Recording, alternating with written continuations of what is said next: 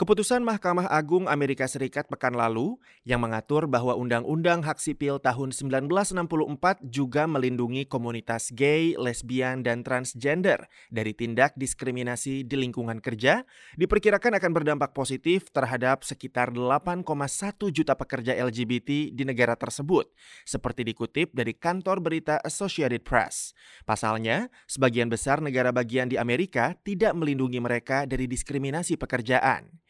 Melalui pemungutan suara, 6 dari 9 majelis hakim memutuskan bahwa ketentuan kunci dalam undang-undang yang melarang diskriminasi berdasarkan jenis kelamin itu mencakup bias terhadap pekerja LGBT.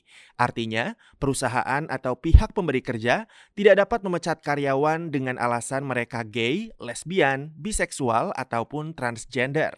Brian Silva, pendiri sekaligus direktur eksekutif lembaga non-profit National Equality Action Team, menilai keputusan itu lebih baik dari ekspektasinya. It was unambiguous, it was clear, it was to the point that Keputusan itu tidak ambigu. Keputusan itu jelas. Keputusan itu langsung menyatakan bahwa warga Amerika LGBTQ berhak diperlakukan sama seperti yang lainnya di lingkungan kerja, serta dinilai berdasarkan bakat dan kepantasan mereka juga kontribusi yang mereka berikan. Keputusan Mahkamah Agung Amerika Serikat itu bermula dari tiga kasus pemecatan karyawan yang diklaim akibat diskriminasi LGBT. Dari tiga kasus tersebut, hanya tersisa satu penggugat yang masih hidup, yaitu Gerald Bostock. Gerald mengklaim dirinya dipecat dari Departemen Layanan Kesejahteraan Anak di Clayton County, Georgia pada tahun 2013 karena dirinya gay. Gugatannya terkait pemecatan itu sempat ditolak oleh pengadilan banding di Atlanta, Georgia sebelum ia ajukan ke Mahkamah Agung. I'm overwhelmed with with emotion um, and gratitude. Saya terhanyut dalam emosi dan rasa syukur.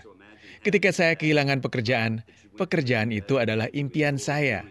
Jadi, bayangkan Anda menjalani pekerjaan impian Anda setiap hari yang Anda nikmati, lalu tiba-tiba direnggut dari Anda gara-gara Anda memutuskan untuk bergabung dengan Liga Softball Gay. Meski demikian, keputusan pekan lalu tentang perlindungan bagi pekerja LGBT bukanlah akhir dari masalah hak-hak LGBT.